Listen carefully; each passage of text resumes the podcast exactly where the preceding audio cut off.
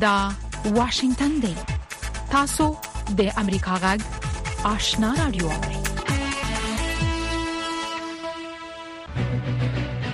قدرمن اوریدونکو السلام علیکم زه شافیا سردار یم دا د امریکا جغ آشنا رادیو خبرونه پیل شوه لومړی به خبرونه واوري لوستونکو سات سلیمان شاه د ملګرو ملتونو د بشري حقوقو د شورا په 55مه کلنۍ غونډه کې د افغانستان په اړه د بحث په دوران کې د روسیې د استازولۍ وغړي د طالبانو پر حکومت غږ وکړ چې په افغانستان کې د یوې ټول شموله اداري سیستم د جوړولو په اړه پر خپلو مخکینیو ژمنو او وعدو وفا وکړي. د تاس خبري اژانس د شنبې په ورځ خبر ورکړ چې د روسیې د استازولۍ غړي روسلان ستروګانوف وویل چې مسکو له افغان چارواکو سره تماسونه ساتي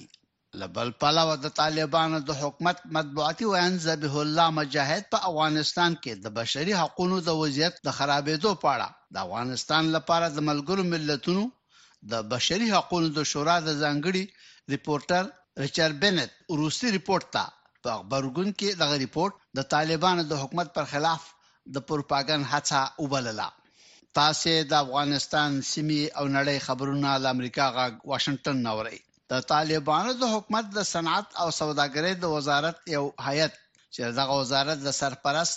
نورالدین عزیزي په مشرۍ د جمعې په ورځ د کب په یولسمه د ترکمنستان پایتخت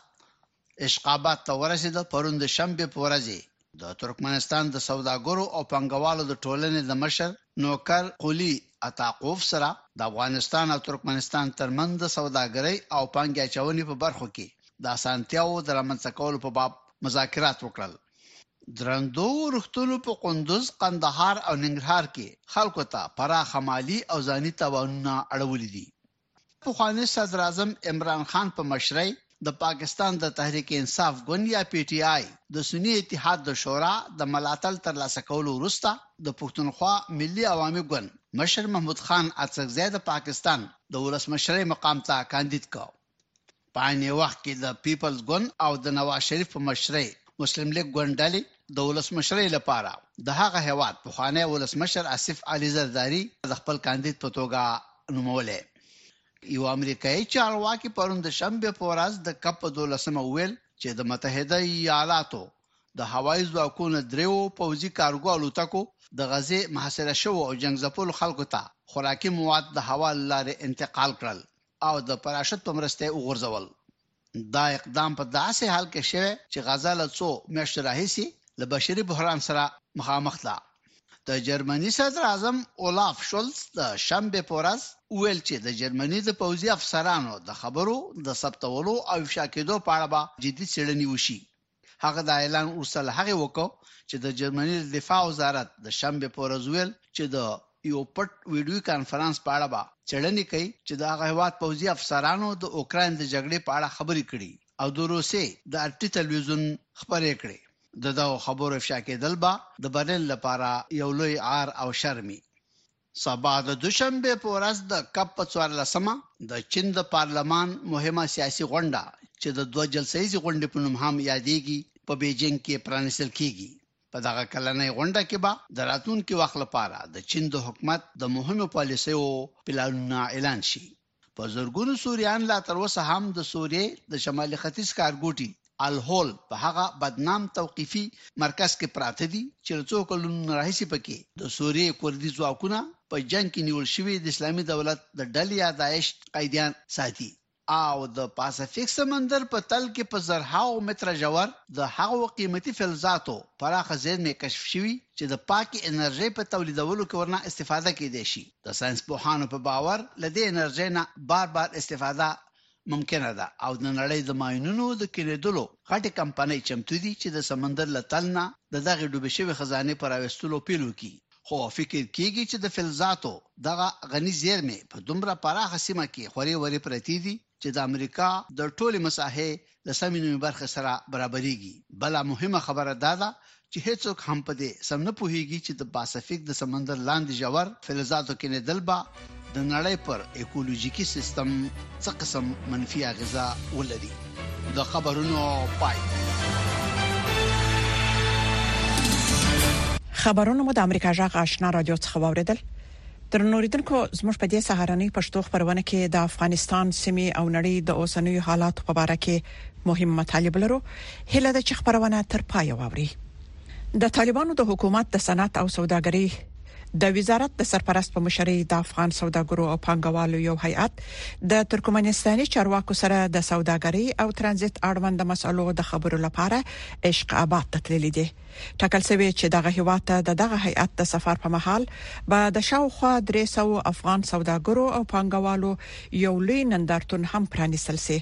په دې باره کې له کابل څخه زموږ خبريال اکرام شینواری رپورټ را استولی د طالبانو د حکومت د صنعت او سوداګرۍ وزارت وایي چې دغه وزارت د سرپرست نورالدین عزیزي په مشرۍ د افغان سوداګرو او پانګوالو یو پلاوی چې د جمعې پر ورځ د کابل څخه د ترکمنستان پایتخت عشق آباد ته تللې نن د ترکمنستان د سوداګرو او پانګوالو د ټولنې د مشر نوکر کلی اتاکي اوب سره د دوه هیوادو ترمنځ د سوداګرۍ او پانګې اچونې په برخو کې د اسانتیو رامنځته کولو په لار چارو خبرې کړي د طالبانو د حکومت د صنعت او سوداګرۍ د وزارت سرپرست نورالدین عزیزي عشق آباد ته سفر د مخه کابل هوایي ډګر کې خبر اعلان ته ویل چې د ترکمنستان د لوړپوړو حکومتي چارواکو سره د خبرو ترڅنګ په پام کې لري په دغه هیواد کې د خپل سفر پر مهال د ترکمن افغان سوداګریز تواصل کانفرنس کې هم ګډون وکړي هغه ویل چې په دې سفر کې د 15 خزینه سوداګرو په ګډون د 250 په شاوخوا کې افغان سوداګر هم ورسره ملګرتیا کوي در حدود تقریبا 300 شرکت همراه ما هستند از جمله 150 دوه سوه او پنجاه شرکت ما از داخل افغانستان الحمدالله همراهی ما در طیاره چارتر ما همراه ما همراهی میکنند پنجاه شرکت دیگه از کشورهای مختلف از خانایی که در امارات هستند ترکیه هستند ازبکستان هستند ان شاءالله همی کنفرانس تواصل تجارتی ما ان شاءالله همراه ما شریک هستند شمولیت خانما همچنان ضروری بود در حدود 15 شرکت است همراه محرمشان الحمدلله همراه ما در سفر هستند در طیاره هستند ما میخواهیم که ارتقای ظرفیت به خانمان باشه. اوسمهال د افغانستان او ترکمنستان ترمنځ د کلنۍ سوداګرۍ کچه څلور نیم سوه میلیاردو ډالرو ته رسېږي چې د صنعت او سوداګرۍ د وزارت د معلوماتو له مخې یوازې یو نیم میلیون ډالر یې د افغانستان څخه ترکمنستان ته صادرات او پاتې نور یې د دغه هېواد څخه افغانستان ته واردات جوړوي. نورالدین عزیزي وایي چې ترکمنستان ته د افغان سوداګرو د سفر یو هدف همدا دی چې د دواړو هېوادو ترمنځ په سوداګرۍ کې بیلانس رامنځته شي. ای یک تفاوت بسیار بزرگ است ما میخواهیم ان شاء الله که امین تفاوت به امید پروردگار اگر پورا نتوانیم کمتر بسازیم. همداشان نورالدین عزیزی ویل چې هڅه کوي چې د کسپین بحیرې او قزاقستان له لارې هم افغانستان سوداګرو ته د سوداګرۍ د لارو چارو د لټولو په سر د ترکمنستاني چارواکو سره خبرې وکړي. کې د افغانستان د صنعت او کانونو د خودي رئیس شیرباز کمینزاده خبریالان سره د خبرو پر مهال هیله وښوده چې چې په شکابات کې په جوړیدونکو نندارتون کې به د افغانستان له اړخه په اتلس سکتورونو کې تولیدات نندارې ته کېښودل شي درې درې نیم سوه کسان تجاران او صنعتکاران به انشاءالله د نمایشګاه ته ځي ترکمنستان زموږ یو هغه ګاونډی هیواد دی چې همیش د افغانانو لپاره یو ښه حسن نیت لري ډیر تجارت لرو د ترکمنستان سره اکثره دی موږ ترکمنستان نه واردات لرو موږ چی موږ هلته ولاړ شو خپل تولیدات چی په اتلسو سکتورونو کی به انسالا موږ په عشقاباد کی په نمایش کیږدو او د افغانستان دغه لاسته راوړنی به که خدای کول تجارت به صادرات به زموږ د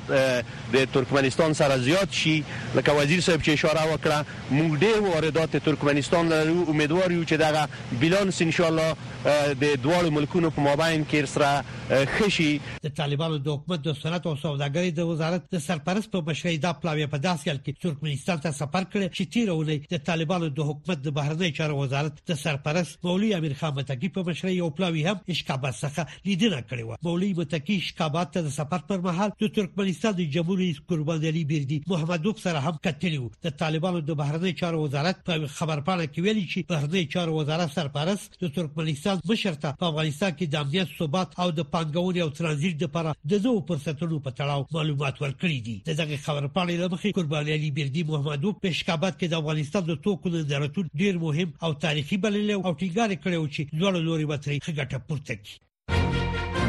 انتظار پای ته ورسید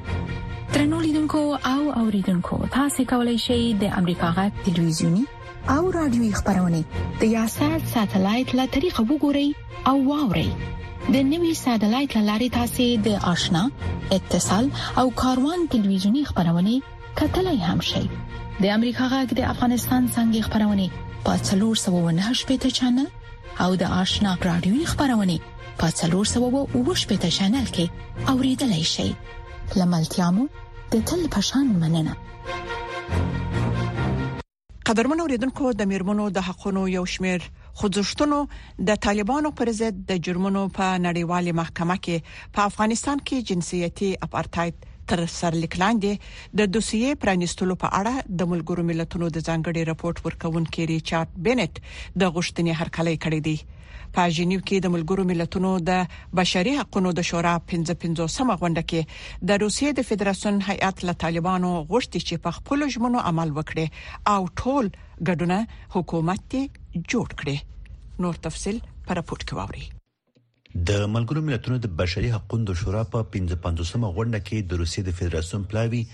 پر طالبانو غږ کړی چې خپل ژمنې پوره کړي او په افغانستان کې ټولګډونو حکومت جوړ کړي د روسیې دغه پلاوی ویلي چې مسکو په افغانستان کې د ثبات او امنیت د پیاوړي کېدو لپاره د لومړیتوب په توګه هڅې کوي ماسکو د طالبانو سره په اړیکه کې دی او د هغوی څخه غواړي چې د یوې ټول شموله عامه ادارې د جوړېدو په تړاو پر خپلو مخکنیو ژمنو عمل وکړي افغانستان کې یوازې تلپاتې سوله به په ټوله سیمه کې مطلوبه پرمختیا ته شرایط برابر کړي په ورته وخت کې د افغانستان د مقتدر خزو او شنبهای ارغونی خوځښتونو د اعلامیو په خبرولو د طالبانو پر ضد د جرمونو په نړیوالې محکمه کې په افغانستان کې جنسيتي اپارټاید تر سرلیک لاندې د دوسیې د پرانیستلو په اړه د ملګرو ملتونو د ځانګړي راپور ورکوونکي ریچارډ بنټ د غوښتنې هرکلی کړی دی ما امیدوار هستیم که طالبان بابت جنایات ضد بشریشان و سرکوب بیرحمانه زنان و دختران افغانستان و آپارتاید جنسیتی بیرحمانه در قرن بیست یک علیه زنان و دختران افغانستان باید به میز محاکمه کشانیده شوند و از جامعه جهانی انتظار داریم که فضا را مساعد بسازد تا به لحاظ حقوقی شاهد به محاکمه کشانیدن کسان باشیم که در افغانستان جنایت ضد بشری و آپارتاید جنسیتی را علیه زنان و دختران افغانستان در بیشتر از دو سال گذشته روا داشتهاند. ریچارد بنټ په افغانستان کې د بشري حقونو د روان وضعیت په اړه د ملګرو ملتونو د بشري حقونو د شورا غونډه کې د خپل راپور په وړاندې کولو سره ویل چې د طالبانو پر ضد باید د جرمونو په نړیواله محکمه کې دوسیه جوړه شي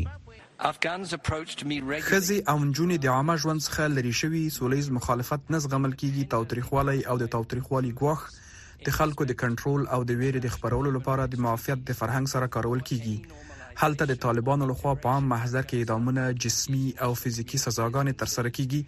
او د رژیم د مخالفانو په خپلسر یعنې قانون له دایرې څخه بهر د وژنو، بې درکه کېدو او شکنجې په اړه د اعتبار وړ رپوټونه شته دي. د طالبانو د حکومت ویاند ذبیح الله مجاهد د ښاغلي بنټ د رپوټ په غبرګون کې ویلي چې دا رپوټ د دوی په وړاندې پروپاګند دی او اوس په افغانستان کې د ټولو خلکو حقونه خوندي دي. بلخوا د رواداري په نوم د بشري حقونو د څارنې یوې بهرمېشتې افغانې ادارې په تېر 2023 کال کې په افغانستان کې د بشري وضعیت په اړه په یو راپور کې ویلي چې په دغه هیواد کې بشري وضعیت لا پسې خراب شوی دی. د رواداري د موندنو پر بنسټ د 2023 کال په ترڅ کې په ټول افغانستان کې لږ تر لږه اووه سوه او دوه اویا تنه د بشري حقونو د سرغړونو په بېلابېلو پېښو کې وژل شوي او ټپیان دي.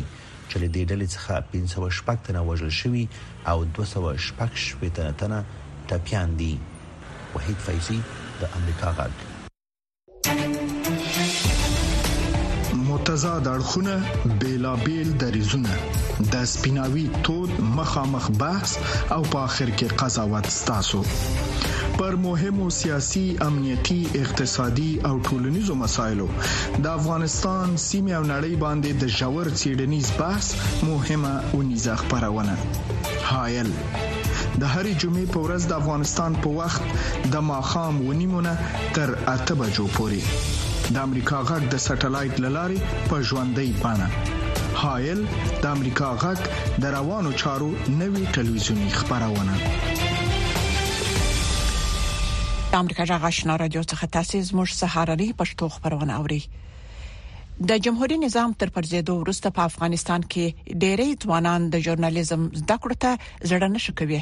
دغه ځوانان چې اوسنی شرایط د خبريالانو لپاره سخت بولي له طالبانو غواړي چې د رسنوي لپاره یو ځانګړی تګلارې جوړ کړي په ورته وخت کې د رسنوي کارکونکو وایي چې په افغانستان کې د بیان ازادي په خورا ناوړه حالت کې ده نور حال د شمس آرین پر رپورت کې ووري په افغانستان کې د جمهوریت نظام تر پرځېدو وروسته د نورو برخو په څیر رسنۍ هم ډېرې زیانمنې شوې د رسنیو اوسنی حالت ته په کتو زیاتره ځوانان د لوړو زده کړو په چوکاټ کې د ژورنالیزم پوهنځیو ته زړه نه ښه کوي هغه ځوانان چې د امګړۍ په پوهنتونونو کې د ژورنالیزم په زده کړو بوخت دي اوسنی حالت د رسنیو او ژورنالیستانو لپاره ښه نه ګڼي د افغانستان د رسنیو شرایط چې دي دغه اوس په الحال سخت شوي دي ځکه چې د اسلامي امارت ته هغه کوم خپل حقونه چې دي چې رسنۍ لري هغوی نه دي ورکړلي هغوی باید خپل حق رسنۍ ته ورکړي او بل رسنۍ هغه رسنۍ چې مطلب په هغوی ډیر مصرفونه کیږي دولت د دوی سره د دوی په مالي لګښت کې هم مرسته نشي کولای نو د دې د وجې رسنۍ چې دي هغه اړ کېږي چې خپلې تلویزیوني شبکې یا رادیویي شبکې بندې کړي. د حکومت هم دا غوښتنه ده چې ژورنالستانو ته یو ځانګړی قانون برابر کړي چې د هغې په تګلارنې کار وکړي. خو بل لور ته طالب چارواکي په داسې حال کې رسنیو ته د اسانتیاوو خبره کوي چې تر یوه کال زیات اوسول چې معلوماتو ته د لاسرسي قانون یې هم ځنډولی دی. د شنونکو په خبره په افغانستان کې د رسنیو لپاره د یو ځانګړي او واضح تګلارې اړتیا ډیره لیدل کیږي د قوت په صورت دا ده چې رسنۍ سپورټ کې ویرګي همکاري ورسره وکي ستونزې حل کړي که څوک ورته ستونزه جوړي دغه د حل لپاره کار وکړي یو بل شرط اساسي چې حکومت به درسنوي ته یو ځانګړي ملي اسلامي افغاني پالیسي جوړه کړي د رسنیو د برخې فعالان په افغانستان کې د بیان ازادي او معلوماتو ته د لاسرسي حال خورا ناوړه یادوي. د دوی په خبره چې دې چارې تر ډېره د ځوانانو زړه مات کړي او د تېر په پرتله کم ځوانان د ژورنالیزم پوهنځي انتخابوي. د یو ژورنالیست په توګه د ځوانانو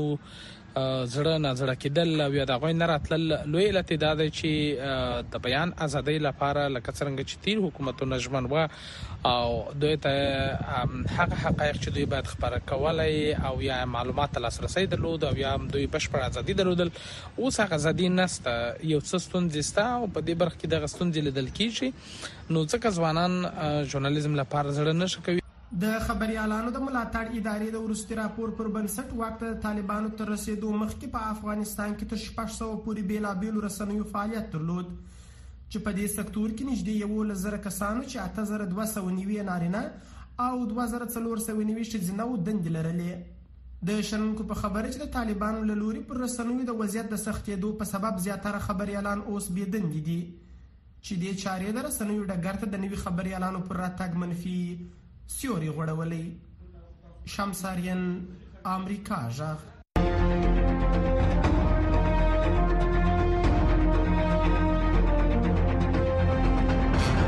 اتصال زموږ او ساسي پیوستون خبرونه چیرنی او خبرګونونه موثق معلومات او دقیق جزئیات کورنۍ نړیوالې او سیمېزي مسلې چې د عام خلکو پر ژوند غیز لري ساسي پښتنې د چارواکو ځوابونه او د پوهانو سپارښتنې لې یک شنبه تر پنځ شنبه هر مخام په شپږ بجو او دې شو دقیقو له واشنگټن څخه پر ژوندې بڼه د سټلایټ ټلویزیون او ټولنیزو شبکو لاري قدرمن اوریدونکو د پاناما کانال د نړۍ یو مهمه سمندري سوداګریزه لار ده چې د تیرو سلو کلونو راهیسې د پاسفیک او اتلانتیک سمندرونو سره نښلوي نن سبا د وچکالۍ له امله پر دې لار د کشتیو تګ راتګ کم شوی دی نور تفصيل پر پورت کې ووري د پاناما کانال داسې ډیزاین سوی چې د سیمې د اورښتونو اوبه په کانال کې راغونډیږي او د دوو سترو سمندرونو ترمنځ کشتۍ تګ راتګ پکې کوي په پاناما کې د نړۍ تر بل هر ځای ډیر باران کیږي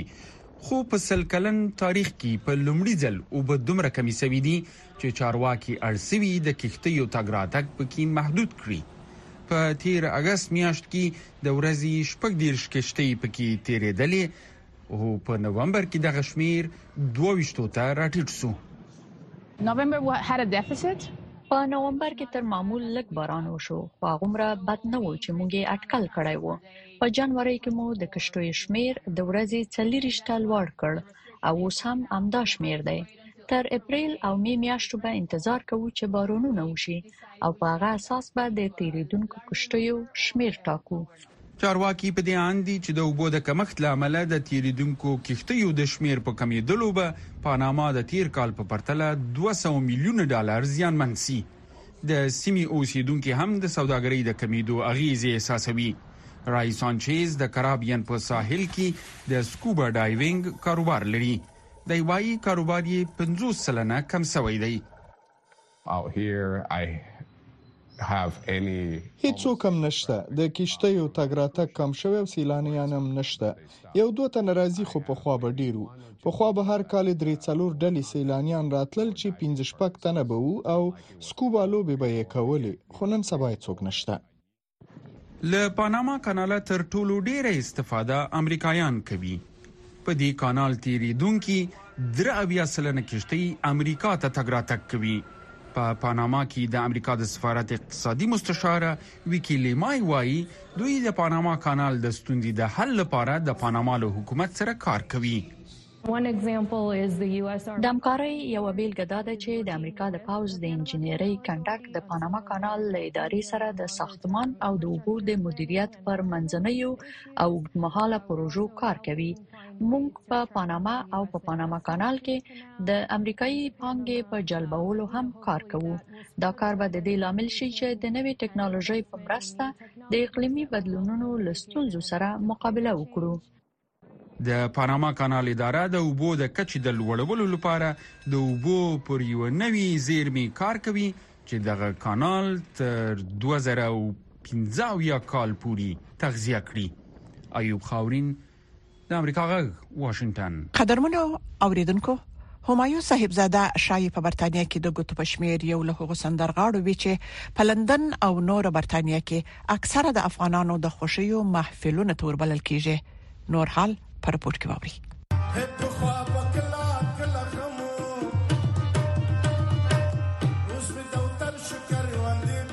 د پښتنو ولسی سندرو د پیړیو تیریدو وروسته هم د خپلو سندرغاړو په مټ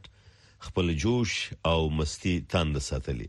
ښايي د موسيقۍ هيڅ داسې بانډار او ماښامۍ به نه وي چې ولسي سندرې به پکې نه زمزمه کېږي. همايون صاحبزاده هم د دې ډګر يو تکړه هنرمند دی چې له وړکتوبه يې د ژوند لويه برخه د موسيقۍ مسلک ته سپارلې ده. چې ورځ مې صنف کې به سندرې ویلې زه په صنف کې معروف وم ډیر کله په میز باندې تابلام غږول خپل مې سندرې ویلې نو بل اخره د موږ د مکتبو کمپټیشن شو هلته هغه وخت یو تلویزیون ملي تلویزیون نو چې کله ملي تلویزیون ته د سندره مې نشر نشر شو ټولو و پیژندل ما ته خپل خپلوان ما سعودي خبر شو سندره وایم نو بعد هغه نه چار چیر به واده مثلا مقرای صاحب د خدای وبخښي دا سه قاسم باغ شه مثلا د ډیر نور استادان دی بچ سندري ویل زبر سټیج تر کا شول ما شراشه و سندره د سندره ته وای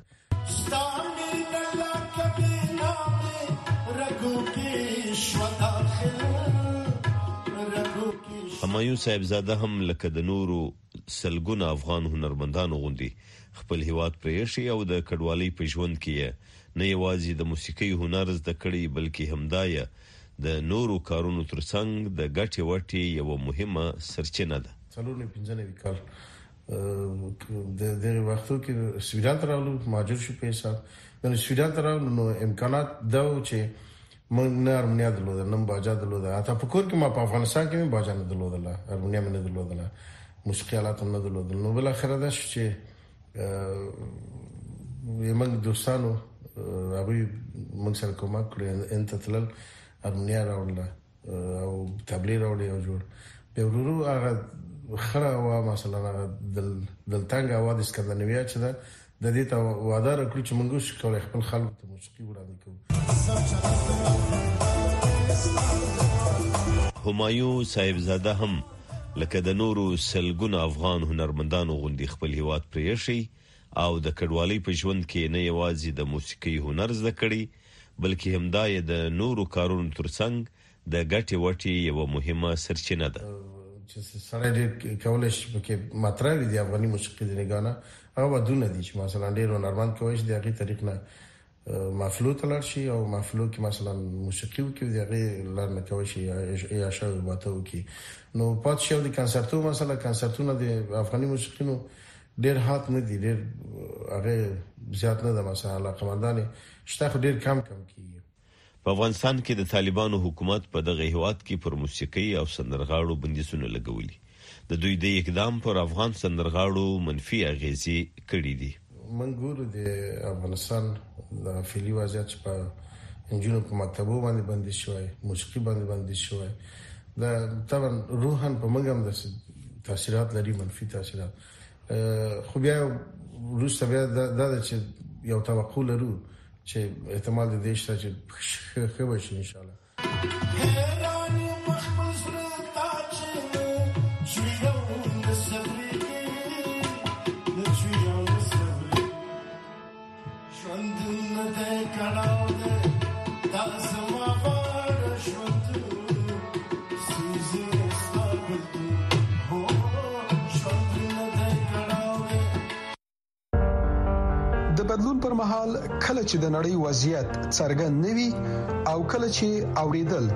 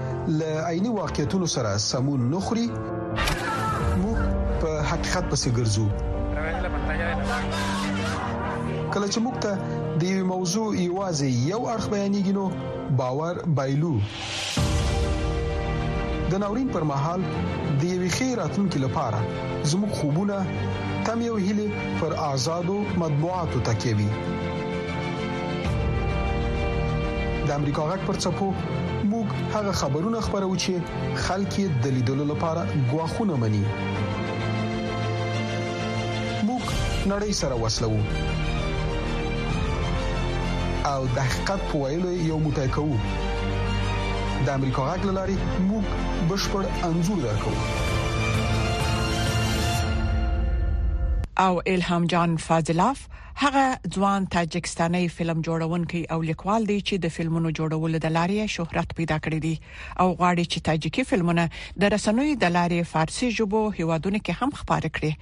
نور حال پر رپورت کې واوري دا ځای د ګلیزر د کلی په نوم یادېږي دلته د الهام جان فاضلاف خوشدامنها فلم صحنه ثبت شوی وي دا فلم د ځوان فلم جوړونکي د فکر او هنر نتیجه ده او غواړي چې تاجکي ژبه نړیواله کړي.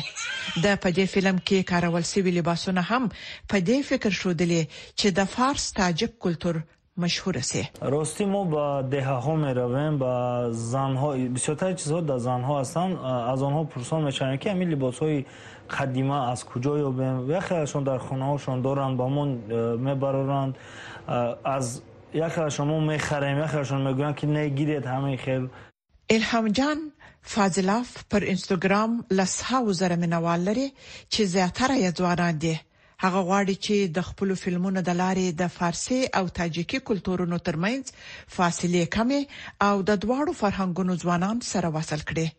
الهام جان دا هم وایي دی په خپل فلمونو کې د ټولنې مسئلې او د هغو حل هم په ګوته کوي در اینجا حتی پرابلم های زندگی هم هست که خوشتامان و کلین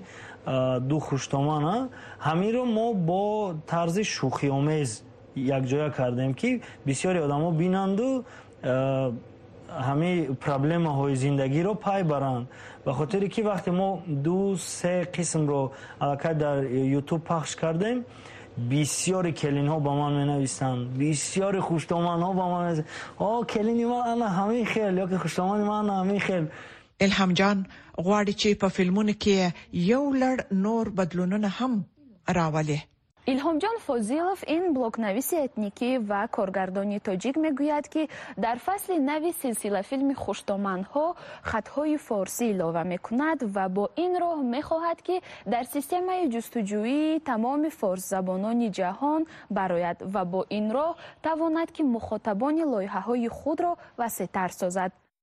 الهام جان دا هم وايي چې د فارسي ژبو هیوادونو کلتورونه ډیر سره نږدې او د خواښې او مژور کیسې هم ورته دي.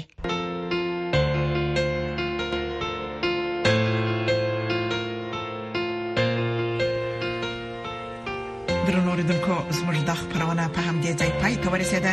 د امریکا جغ آشنا را دوه خبرونه دوام لري